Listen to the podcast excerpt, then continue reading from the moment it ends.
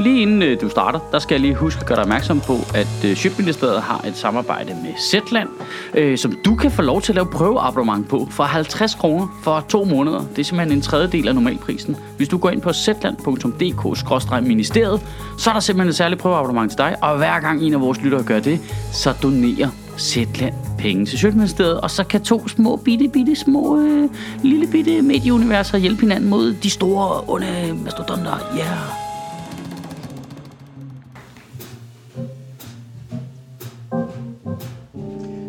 Velkommen til Sjøtministeriet Live, hvor jeg jo interviewer gæster her på Nørrebro Teater, hvor vi er flyttet ind i teaterets øh, store sal.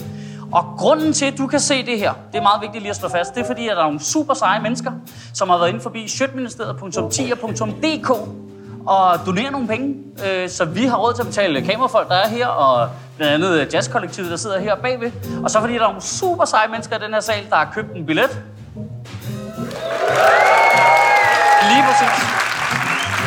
Og det, du skal se nu, det er et interview med Danmarks kulturminister. Hun kommer fra Liberal Alliance, og hun hedder Mette Bok. Giv en stor hånd.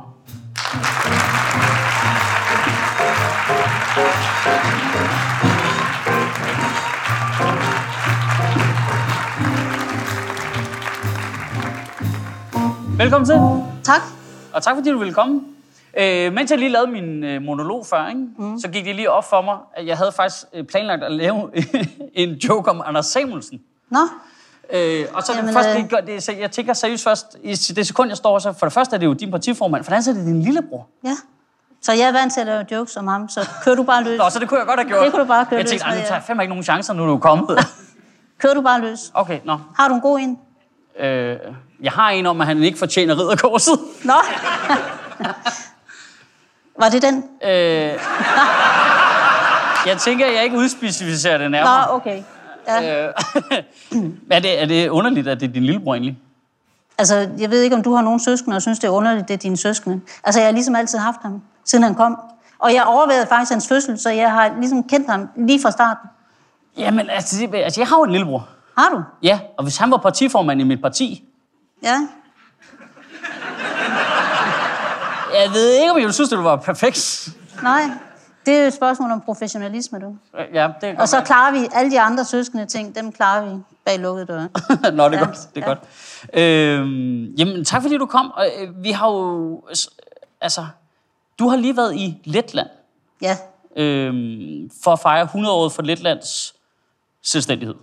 den første. Ja, den første af dem i. Ja. første omgang. Og, men en af de ting, som du var derovre for at snakke om, det var blandt andet, øh, hvordan medierne derovre, de øh, håndterer misinformation, som jo er noget, vi øh, jo i, i vis grad i hvert fald måske også øh, kæmper med herhjemme. Det gør vi. Ja, men det, altså, hvad, hvad gør de derovre, som vi kan lære noget af her i Danmark?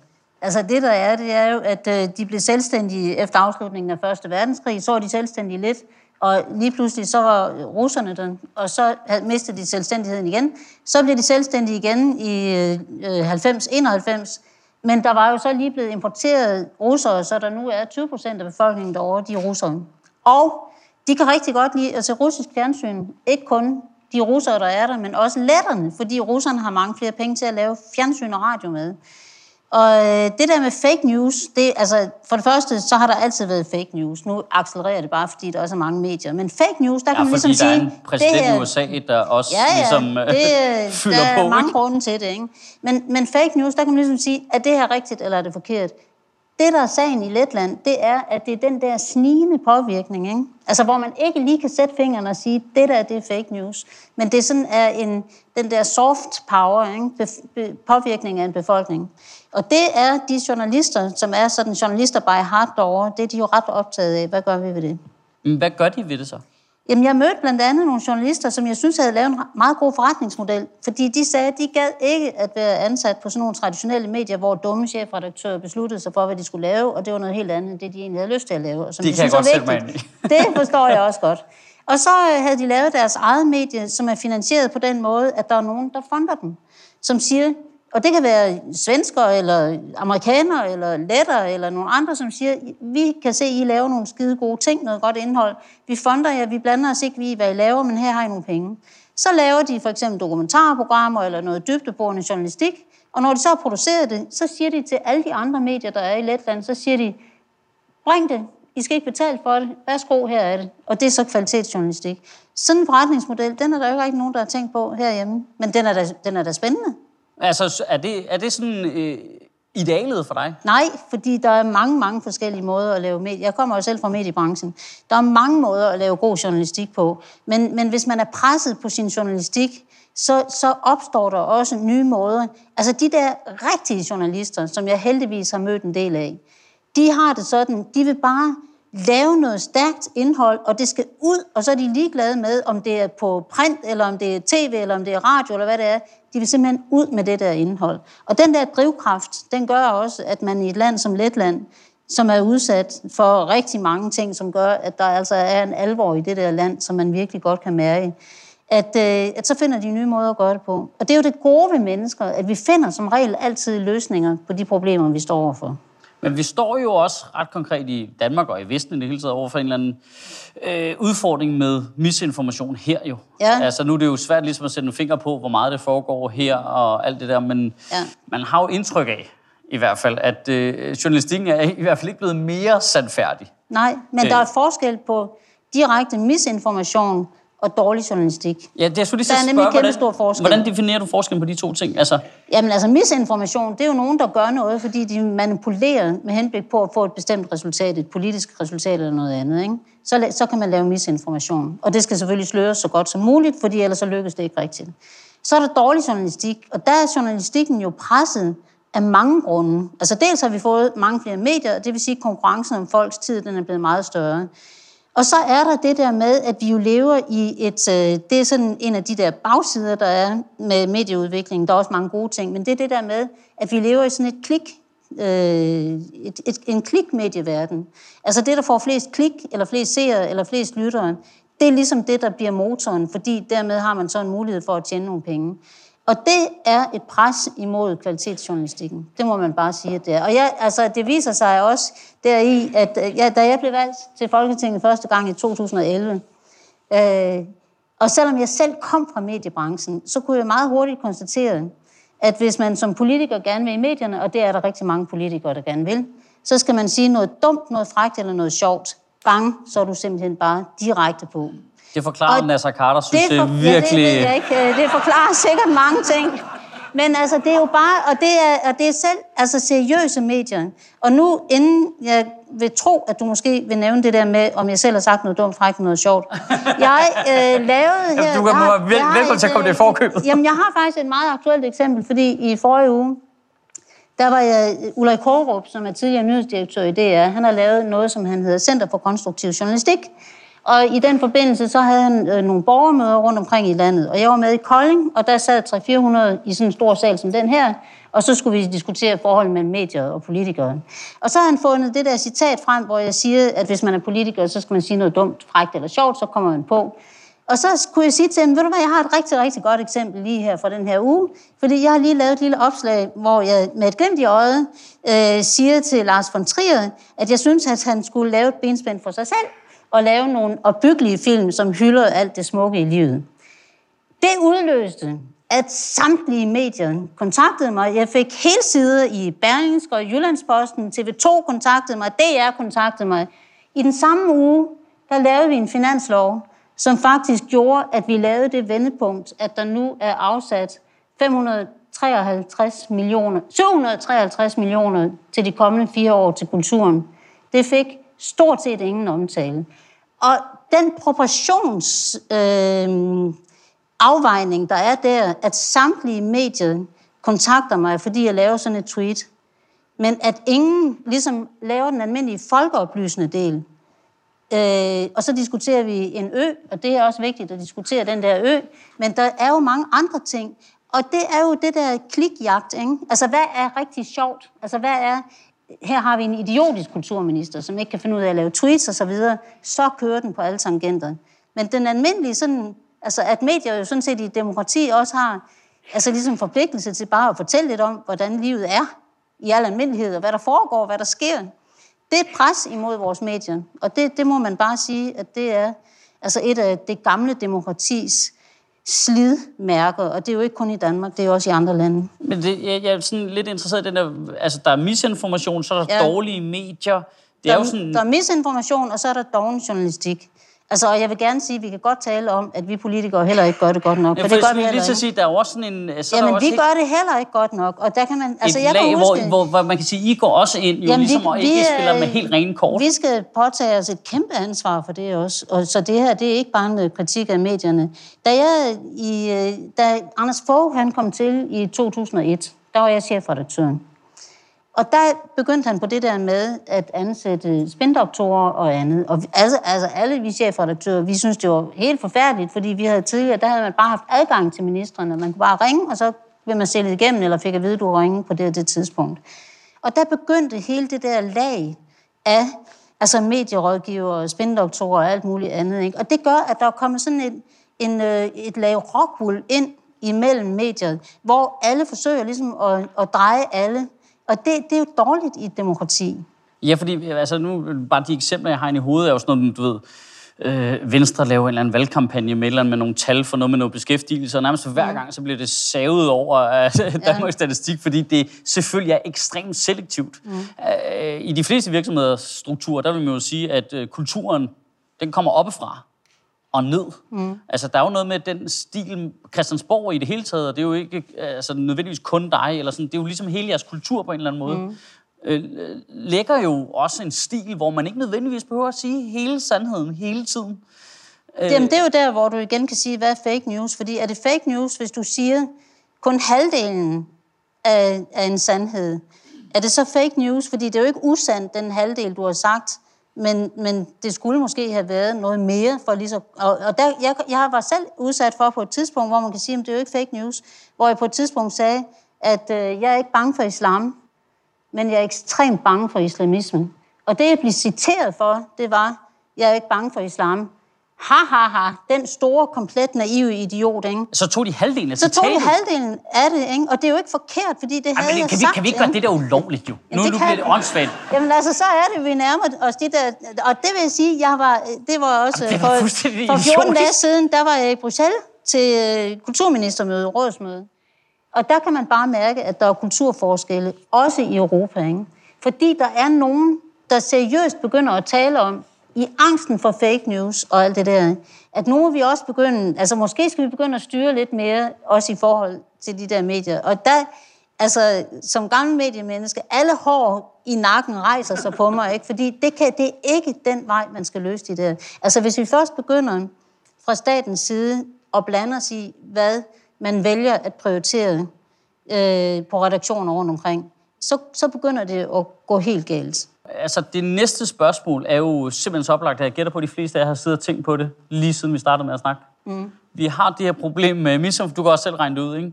Altså, vi har et problem med misinformation, vi har de her brudbilleder, vi har et problem med dårlige medier, clickbait-mentalitet. Hvorfor så skære 20 procent i Danmarks Radio? Fordi, ved du hvad? Det, der er brug for, det er ikke nødvendigvis flere ressourcer, men det er et spørgsmål om, hvad er det så, der er et statsejet statsfinansieret medies opgave. Ikke ned på programniveau, men i forhold til, hvad man laver. I mange, mange, mange år, der havde DR jo monopol, både på tv og radio. Så for 30 år siden, så fik vi TV2, så fik vi det brudt. Senere fik vi så i hvert fald forsøg på at bryde radiomonopolet også. Og i dag er der et kæmpe udbud af medier. Hvis det er skulle blive ved med at konkurrere med alle medierne, hele tiden, i alle genrer. Altså, det, det er en umulig opgave. Den anden vej at gå, det er at sige, der er to strategier, man kan lægge. Den ene, og jeg har faktisk selv siddet i den direktion, og gik, fordi det ikke blev sådan, som jeg gerne vil have det.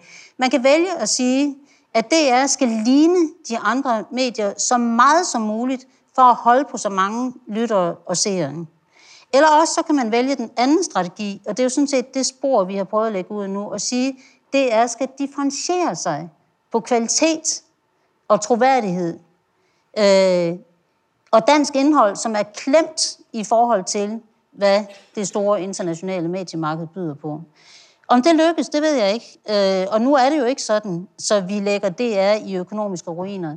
Når øh, besparelserne er fuldt gennemført om fem år, så får DR altså stadigvæk mere end 3 milliarder kroner om året til at lave indhold for. Det er den kulturinstitution i Danmark, som også efter besparelserne vil være massivt stærke støttet.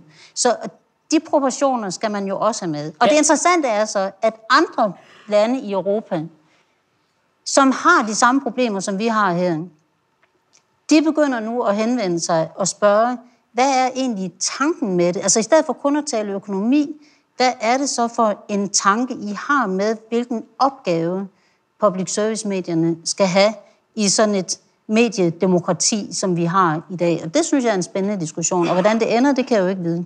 Nej, men det er bare det, altså, det der, det virker jo bare så voldsomt, at vi er i den her tid, og fake news og Trump, og det hele vælter ind over os.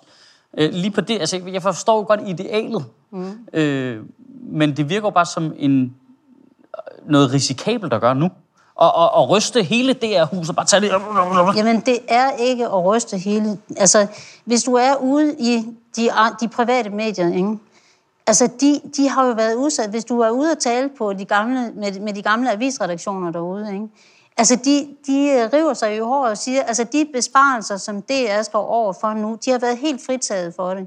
Nu står de over for det i de kommende fem år.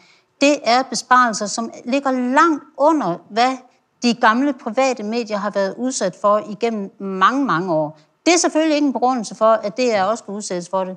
Til gengæld, så jeg var jo 54, da jeg gik ind i politik, og jeg har siddet i mange organisationer, og nogle gange, så må man sige, så skal der også noget, øh, altså et stærkere greb til, at man faktisk kan vende en udvikling. Og det, der var problemet i forhold til det, er, det var, at man smurte tingene tyndere og tyndere ud. Og så går det ud over kvaliteten. Og det vil ikke være godt på længere sigt. Om det ender med at blive bedre, end det har været, det skal jeg jo ikke kunne sige. Men jeg vil bare sige, at jeg har kæmpe stor respekt for den udviklingsplan, som DR har lavet. Det er selvfølgelig hårdt nu her, hvor man har skulle afskede medarbejdere. Og det har jeg fuld forståelse for. Men de har lavet en udviklingsplan, som virkelig bringer DR ind i en ny tid, hvor de, hvor de investerer de sparer nogle steder, men de vælger også at investere massivt, altså for eksempel i digitale universer osv. Og, og det er jo rigtig spændende, når man har taget det til sig på den måde. Så det ja. glæder mig til at følge. Ja, fordi man kan sige, det, har, det der har været de gamle mediers største udfordring, når man ser det sådan udefra, det var jo ligesom, at man har været sindssygt dårlig til at følge med udviklingen. Føles det i hvert fald som om, som forbruger, ikke? Fordi man har flyttet sig over på alle de amerikanske øh, platforme, simpelthen fordi de var der. Nej, jamen, der er et andet problem, og det er jo, og det har jeg selv et medansvar for, fordi jeg har været på printmedierne også, og det er, at man har vendet forbrugerne til, at de får det uden betaling. Indholdet uden betaling. Ja, ja. Øh, og det gør du også på DR. Hvorfor i alverden skulle man så pludselig begynde at betale øh, for det indhold, som man har, man har været vant til at få uden betaling? Det er enormt svært at få drejet det, når man ligesom får sat skibet i søen på en forkert måde. Og det er altså ikke mere end 20 år siden, hvor de gamle medier sagde, at det der med nettet og alt det der, det går over. altså bare, altså hvem vil nogensinde undvære en papiravis? Det må man bare sige, at det er ligesom gået lidt stærkt. Ikke? Ja, ja. Jeg så, BT har mistet 33 procent af deres læsere på et år. 33 procent. Og de andre, det er cirka... Så, så er der noget mindre misinformation, kan man sige. procent i gennemsnit, ikke? Jamen altså, det er jo vildt, ikke? Jamen, altså, det er 33 procent, det er da totalt vildt, ikke? Nej, fordi det, det er nemlig lidt interessant i forhold til det med medierne, det, ikke? Fordi øh, altså, jeg tror, altså, jeg identificerer mig i hvert fald med idealet omkring ligesom, øh, så diverst et mediemarked som muligt. Ikke? Øhm, og et for stort DR kan hæmme det. Mm. Fordi det er svært at komme ind og konkurrere på nogle af de platforme, som Danmarks Radio opererer på. Øh, eller markedet, eller hvad man skal sige. Men man må så også sige, hvis man kigger ud øh, bare i verden og i Danmark i det hele taget, så, så hænger kommersiel og kvalitet bare ikke specielt godt sammen. Det ved jeg da ikke. Altså, hvis du går ud og taler med chefredaktørerne ude på, på øh, dagbladene, så vil de sige, at vi er private medier, men vi leverer simpelthen også men, substans og indhold. Der bliver jeg så lige super liberal der, fordi, ja, det er de, også fint. for de er overhovedet det må ikke, du meget gerne. De er overhovedet ikke private, jo. De vil jo dø, hvis ikke I støttede dem. Nej, det passer virkelig ikke. Gør det ikke Altså, der er nogen, der tror, at den mediestøtte, vi giver, øh, for eksempel til aviserne, at den er kæmpestor. Den er overhovedet ikke kæmpestor. Ja, til at starte med de momsfritaget, ikke? Jo, nu er man momsfritaget dem. Det er en støtte til dem, kan du sige. Ja. Men den gamle mediestøtte, altså et dagbladshus som Politikken JP, ikke? som har en egenkapital på 1000 millioner, altså 1 milliard cirka, ikke? Det afslørede deres egne journalister, det synes jeg var så fedt. De har en egenkapital på 1 milliard. Om de får 2 millioner mere eller mindre i mediestøtte, det er altså ikke det, der afgør, om JP Politikens Hus kan overleve som mediehus. Men 25 procent i moms gør der alligevel noget, hva'? Jamen, det Vi er der, betaler moms, vil jeg bare lige sige. Altså, øh, det gør rigtig meget, at de bliver momsfritaget. Og der har der været en forskel på de gamle medier og de nye medier. Fordi de gamle medier, altså aviserne er momsfritaget. Men det, de har lavet på de digitale medier, det har ikke været momsfritaget. Og det vil sige, hvad er så in- incitamentet, hvis du sidder som chefredaktør på en papiravis, til at du ligesom også skal lave noget på nettet, hvis du ved, at du er momsfritaget på det gamle papir, ja. men det er du ikke på nettet. Så vi har ligestillet øh, gamle og nye medier. Og det er de meget glade for. Jeg synes også, det er fair konkurrence. Altså, Er, er det fair? Ja, hvis alle har samme vilkår, Ja, ikke? og det har de så. Men min pointe var bare, at hvis vi slet ikke støttede dem, så ville de have det svært. Altså, det ved de selvfølgelig, fordi vi har, altså, der har jo ikke altid været mediestøtte i Danmark, men vi har opbygget et system, som nu er baseret i høj grad på, at vi har det mediestøttesystem, som vi har. Men altså, man kunne jo forestille sig, at det var på andre måder, men det kan man jo ikke bare lige lave om fra den ene dag til Nej, den anden. nej, nej. Og så er der jo noget, altså hvis ting støttes, så, så udvikler det sig også efter den støtte, der bliver givet. Og, og egentlig er der jo, altså nu siger du selv, du er liberal, så derfor kan jeg godt sige det til dig, ikke? Altså, der er jo noget absurd i det der med, at vi siger, at det er meget væsentligt i et demokrati, og det mener jeg virkelig by heart, at medier er frie, fuldstændig frie og uafhængige. Og samtidig så støtter vi, altså vi ejer to store stationer, altså både TV2 og DR, ikke? og vi støtter alle de store medier i Danmark øh, fra statens side. Altså når du forklarer en kineser, som man går over og siger, det er fuldstændig forfærdeligt med alt det censur, I har osv., så, videre, så siger de, hvordan er det nu lige, det er i Danmark? Altså ejer staten ikke øh, både DR, TV2, og giver I ikke... Øh, det må da betyde et eller andet i forhold til de medier. Det gør det jo ikke, fordi vi holder fast i det der med armslængde, og vi blander os ikke i det redaktionelle osv., men det gør politikere alligevel. Jamen altså, det er også... Men prøv her. Jamen ved I hvad, I har fuldstændig ret, fordi det har politikere alle dage gjort. Men for eksempel, da vi lavede medieaftalen, der fik øh, jeg kritik for, da vi lavede public service-aftalen, at nu var der mindre armslængde end nogensinde. Det er simpelthen mangel på historisk viden.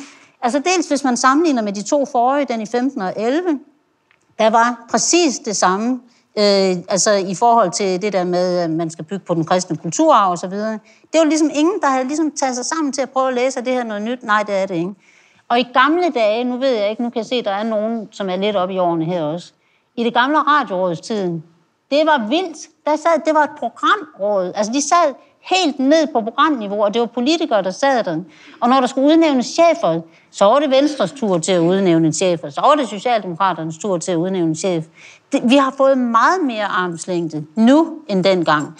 Og så vil der altid være politikere, som falder i med et stort brag. Lige efter vi har lavet public service-aftalen, der meddelte det er så, at de daglige sportsnyheder, dem ville man lukke. Og så var Dansk Folkeparti med det samme, at der måtte vi gribe ind, og vi må tale med dem om, om det virkelig var rigtigt osv. Og der må man bare sige, på programniveau, der skal vi bare holde lang afstand. Så hjalp det lidt, at DR's øh, sportsredaktør sagde, altså uanset om den her medieaftale var kommet eller ej, så ville det være blevet lukket alligevel. Det hjalp lidt, ikke? Men altså, det kribler altid i politikers fingre for at gå ned på programniveau, og det har det altid gjort. Og jeg vil sige, jeg, jeg vil, fordi jeg har den mediebaggrund, jeg vil kæmpe det, jeg kan for at holde politikere væk. Men presset er stort, det er det også internationalt. Der er rigtig mange steder i verden, også i det, vi betragter som demokratiet, hvor politikerne har lyst til at gå ned og blande sig meget mere i medierne. Og så saver vi demokratiets øh, fundament væk, hvis vi gør det. Ja, og så er der i virkeligheden også risikoen den anden vej rundt i den anden ende, fordi hvis man liberaliserer medierne, så har man jo også mulighed for, at øh, Putin med Gazprom i ryggen kan købe sig ind i JP Politikens Hus. Mm. Altså, øh, altså, der er jo også en risiko forbundet med det der. Ja. At, at jo mere man lægger pengene ud i det private, jo mindre, der kan man jo kontrollere det endnu mindre. Men altså, livet er risikabelt, du. Det er det. Og især i et demokrati. Altså i et frit demokrati, der er der masser af risici. Og det eneste, der er at, gå, at gøre i forhold til det, det er at sikre en åbenhed og en transparens i forhold til det. De der letter, der jeg fortalte, som havde brudt ud og havde lavet deres ja. eget medie, det var sådan set, fordi deres mediehus var blevet solgt, og de kunne ikke finde ud af, øh, hvem det var blevet solgt til. Og så brød de ud, fordi de ville simpelthen vide, hvem ejerne var. Og sådan nogle ting skal vi jo vide. Øh, og det skal der være åbenhed omkring. Og det er der, hvor hvis man begynder at gøre ting via strømmænd og sådan noget, ikke? og at de ejere, der så er af medierne, faktisk begynder at dreje dem i en retning, som er problematisk. Så, så derfor skal man øh, varedeklarere sig selv. I gamle dage, da vi havde et firepladssystem i Danmark, hvor man havde i alle større byer en venstreavis, en socialdemokratisk, en øh, radikal og en konservativ avis, der var de deklareret, der stod, det, er, det her er en venstreavis, og så vidste man ligesom det. Men når medier siger, at de er uafhængige, og så i virkeligheden ikke er det, så bliver det svært at være medieforbruger. Jamen, jamen, fordi der er det der med, at øh, det kan godt være, at så er der måske en risiko for armslængdeprincippet, hvis det er staten, der ejer noget. Men staten er trods alt os. Altså, det er jo det positive ved det. Hvor øh, du ved, at man ved ikke, hvem der kan købe sig, hvis vi sælger TV2, og så lige så ejer, du ved, Rudolf Mørker, det, eller hvem det nu er. Det kommer de ikke til. Øh, nej, men det er jo svært ligesom at bestemme over, og selv hvis vi vil bestemme over det, hvor liberalt er det så egentlig? Ja. Kan vi så ikke lige så godt bare beholde det selv, hvis vi også lige pludselig vil til at vælge, hvem vi skal sælge det? Det Jamen, bliver altså, vi kan jo også godt, altså, vi kan jo bare overtage det hele, ikke? og så sige, at det er fællesskabet, det er statens, men de stater, som har gjort det, det er der altså ret sjældent kommet noget godt ud af, ikke? Så, så den mediemangfoldighed, den er det vigtigt, at vi, at vi opretholder. Og derfor jeg er 100% sikker på, at vi har også DR om 15 og 25 år, fordi vi er sådan et lille land, som vi er. Øh, så derfor vil vi stadigvæk have det, men vi skal sørge for at holde den kvalitet op, fordi ellers så taber DR under alle omstændigheder. Før vi lavede aftalen, der lavede jeg sådan en generationsrejse rundt i landet, hvor jeg talte med forskellige aldersgrupper. Og jeg kan godt sige, at børns medieforbrug, det bor på en anden planet end vores medieforbrug. Øh, og så spurgte jeg nogen, en tredje, nogen, en tredje klasse, jeg besøgte, så spurgte jeg dem, fordi DR laver fremragende børneindhold. Så spurgte jeg, om aldrig de så fjernsyn på DR. Nej, det gjorde de ikke. De havde ikke engang fjernsyn derhjemme. Og så tænkte jeg, det kan ikke passe, fordi altså, der er altså ret gode seertal på de der børneprogrammer. Så spurgte jeg dem øh, øh, til et bestemt program, Klassens Team, tror jeg det hedder. Jamen, det kendte de godt. Jamen, hvor kendte de det fra? Jamen, det har de da bare googlet. Altså, nogle af deres kammerater havde sagt, at der var et godt program, så googlede de det. Men de aner ikke, hvor det kommer fra, ven. Øh, og det er jo en opvoksende generation. Og derfor det er ikke nok at have et DR, hvis ikke deres indhold kommer ud. Så det er i virkeligheden en distributionskrise, vi står overfor, mere end en, en indholdskrise, når vi taler DR. DR's produkter skal ud alle de steder, hvor folk er. En måde at bekæmpe, kan man sige, den er usikkerhed, der kommer i medierne på med misinformationsgråstreg, dårlig journalistik. Ja. Øh, og det er bare mit eget private forslag, og du må gerne tage æren for uh-huh. det, når I gennemfører det. Øh, men hvad med en væbnet afdeling af pressenævnet? Ja. Altså, der bliver lige konservativ der i, i, i to minutter. Altså, er det ikke som om, at der, mangler der ikke en konsekvens også? Altså, fordi øh, dårlig journalistik, der, der er jo ikke nogen straf eller konsekvens. Du jo bare lyve og snyde, og måske så skal du betale 1.500 kroner tilbage. Rettelsen. Der skal du bringe rettelse. Men det er, jo, det er jo fordi, man kan ikke lovgive sig ud af de her ting. Altså, de journalister, Jamen, vi har jeg... reglerne jo. Det er jo bare, straffen ja, er ikke stor nok. Jamen, men hvordan, altså, altså, selvom man så straffede, så er der jo medier, også i Danmark, som alligevel bare vil gøre det, fordi de tænker, det er en krigsomkostning. Og så gør vi det, og så betaler vi den der ting, som vi skal gøre. Derfor skal straffen være højere? Ja, men... men Mere straf? Eller også, så skal vi ligesom gøre lidt ved den ansvarlighed. Altså det der med også at værne om, hvad er det, der er god journalistik. Og hvis jeg må fortælle en lille anekdote. Jeg har haft ansat mange journalister, jeg var chefredaktør på Jyske Vestkysten og som udkommer i ni forskellige udgaver i hele den sydlige del af Jylland. Og så var der på et tidspunkt i en af udgaverne, en lokal udgave i Åben der var der blevet bragt sådan en lille øh, petit ting med en formand for en forening, som var gået af efter 40 års formandskab, og alle takkede ham. Der har lige været lidt med regnskabet for 5-6 år siden, men ellers var det jo en fantastisk indsats. Den mands 40 års indsats i den der forening, det var bare ødelagt for det havde stået i avisen. Og det viste sig så, at det var en anden forening, som havde haft problemer med de der regnskaber der. Så jeg plejer at sige til journalister, at man skal huske på, at man holder menneskeskæbner i sin hånd hver dag. Også det, som en travl journalist kan synes er en lille bitte historie, det kan få fuldstændig afgørende betydning for det menneske, som ikke har fået en færre behandling. Øh, og det, den ansvarlighed, den kan du ikke lovgive dig ud af. Du kan heller ikke straffe dig til den det er et redaktøransvar og et journalistisk ansvar, at den omhu, den er der. Men har du hørt om Thomas Treve? Nej. Det må du da endelig fortælle mig. om. Thomas Treve, verdens værste anmelder, der bare skriver det værste, ja. Ja. øh, bare skriver grofulde ting om andre Ja, mennesker. det er Kan, kan, kan det virkelig passe, øh, at, at Du der kan sidder... ikke forbyde det i demokrati. Det kan du altså ikke. Jamen, vi har jo nogle regler i forvejen, øh, hvor der bare ikke er nogen Der konsekvenser. er jo en juryregler. Du må ikke overtræde en jurylovgivning. Og du kan i pressenævnet, der kan du blive dømt til at beklage og sige, at du har gjort noget forkert. Jamen, Og kan vi ikke putte en større men straf det, det, det, der er afgørende, det gælder, der er et fællesskab mellem politikere og medier, og det er, at vi er ekstremt afhængige af vores troværdighed. Altså, mister vi vores troværdighed, så er vi færdige. Og det gælder altså også. Altså, den journalist, som har opført sig idiotisk, gang på gang på gang, hans kildenet, det lukker bare ned. Det er i virkeligheden den største straf. Øh, hvilke tre erhverv tror du, der ligger nederst på danskernes tillids? Det ved jeg udmærket godt. Det gør brugtvognsforhandlere, politikere og journalister. Så pointen er, at vi skal gøre noget jo, for ellers fortsætter den der nedadgående Men vi skal jo gøre noget hver især, i stedet for at sige, at de andre skal Men gøre det er bare noget. sjovt for alle os andre, der er der vildt meget straf hele tiden. Hvis vi gør det mindste forkert, så bliver vi straffet kraftet mig i hovedrøv. Hvorfor, hvorfor skal der ikke være nogen straf for øh, journalister, der lyver, og politikere, der lyver? Altså politikere, der lyver, den straf, det er jo, at hvis du lyver for meget, så bliver du bare ikke genvalgt, vel? Nej, det, det går for hurtigt. Det er ligesom det. det altså, sådan, jamen, fungerer, sådan er praksis bare ikke. Sådan Jamen- er virkeligheden, ikke? Jo, den er sådan. Altså, du kan faktisk... Det kan godt være, at du kan slippe afsted med at lyve en gang eller to. Men borgerne og vælgerne...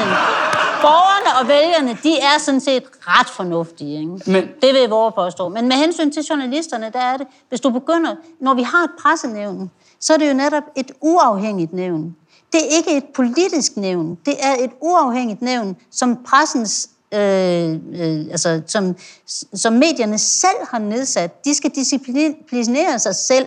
Så, så hvis de selv fandt på at lave hårdere straffe, Ja, så var det sådan, det var. kunne man nævne det for dem så? Ja. Altså, Vi du har kunne sende haft, en mail? Har, vi har haft, øh, kulturudvalget har haft pressenævnet på besøg adskillige gange. Og der er jo også nogle ting, altså vi lovgiver også om nogle ting. Altså hvis du for eksempel har bragt en stor løgn på forsiden, ikke? Jamen, så skulle du også lave en berigtigelse på forsiden og sådan nogle ting. Ikke? Ja. ja det, er bare ikke, det er jo ikke nok straf, jo. Nej. Altså, der er jo ingen konsekvens. Du altså, bevæger dig bare ud i en sump, hvis du begynder på at sige, at det er politikere og jura, der skal regulere pressen. En fri presse. Så bevæger du dig ud i en sump, og du bliver trukket længere og længere ned. Det er løgn. Nej, det er ikke løgn. Det er et øh, argument i hvert fald. Øhm, ja, det er svært. Men det, jeg tror Ja, måske bare, det vi er er mange, der, jeg tror bare, vi er mange, der er hævntørstige jo. Det er det, der er Ja, lidt af problemet. det kan jeg godt sige dig, at det er Jamen, der det er rigtig når- mange politikere, der også er. Jamen, det, rigtig mange Hvis man bare har læst uh, BT i 20 sekunder jo, Ja. altså, øh, det, altså, men har du lagt mærke til, at de laver en ting, det er specielt BT er slemme til det, hvor, øh, så for eksempel, hvis det handler om dig, så vil de skrive Mette Bock, kolon, og så vil de skrive noget, de selv har fundet på, men ja. som lød som et citat, ja. Du havde sagt, mm. som var et eller andet fuldstændig vanvittigt. Ja. Men altså, det, der, Hvor- altså du, hvorfor rammer ind, du rammer ind i, at, øh, at der er den der dybe, dybe, altså også tillidskrise mellem politikere og medier. Det er der. Og den er virkelig dyb. Og det er ikke kun i Danmark, det er også andre steder. Og det er bare et kæmpe problem for vores demokrati. Vores gamle demokrati er ved at blive slidt. Et demokrati, det er kun så stærkt, som vi selv gør det til. Og det vil sige, at vi politikere, vi kan godt skælde ud på alle mulige andre, og på medierne og alt muligt, men vi bliver nødt til at tage fat i os selv først, og, og gøre tingene. Altså, jeg har for eksempel ingen spindoktor. Jeg henvender mig, jeg har aldrig henvendt mig selv af egen drift til medier og sagt til dem, øh, jeg har, her er en god historie, ved du, jeg har ikke lyst til at lave den, eller I skal lige interessere jer for noget. Det oplevede jeg nemlig som, som chef mediechef selv, at jeg blev ringet op på den måde, og jeg synes, det var dødssygt. Ikke? Så vi bliver nødt til at begynde med os sige, det selv. kan jeg jo øvrigt øh, bekræfte, fordi mange af de gæster, vi har her, ja. Der skal jeg jo igennem spindoktoren først, Ah. for at få lov til at snakke med gæsten. Det skulle du ikke med nej, mig. det skulle, nej, jeg skulle Nej. bare snakke med jer. Men i hvert fald, øh, Som er en almindelig øh, pressemedarbejder. ja, i hvert fald, så, så kan det ikke nytte noget, at man øh, bare tænker, at vi skal regulere medierne noget strammere, så går det nok alt sammen. Vi bliver ligesom nødt til at begynde med os selv. Og der er det sådan i et folketing, at der er vi jo ligesom folkevalgte, og det vil sige, jeg har selv siddet i Folketingets præsidium, som er Folketingets ledelse. De har bare ingen ledelsesret overhovedet, fordi du er folkevalgt, så må du selv stå til ansvar for det, du gør. Så den peger direkte ud på jer.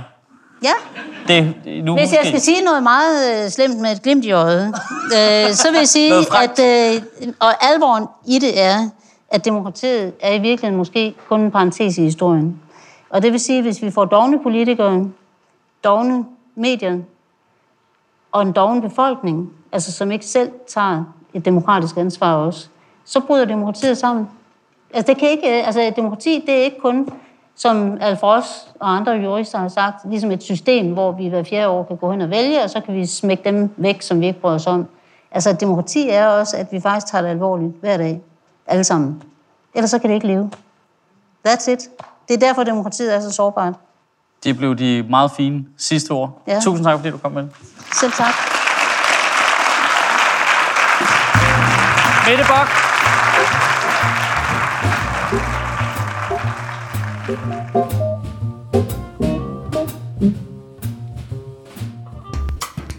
Sjøtministeriet lever af dine donationer. På tier.dk kan du oprette et donationsabonnement, hvor du giver lige præcis det beløb, du har lyst til. Og så kan vi lave flere interviews på Nørrebro Teater, flere taler, sende Sofie Flygt mere på gaden. Og hvis ikke du gør det, så er du en big and shows.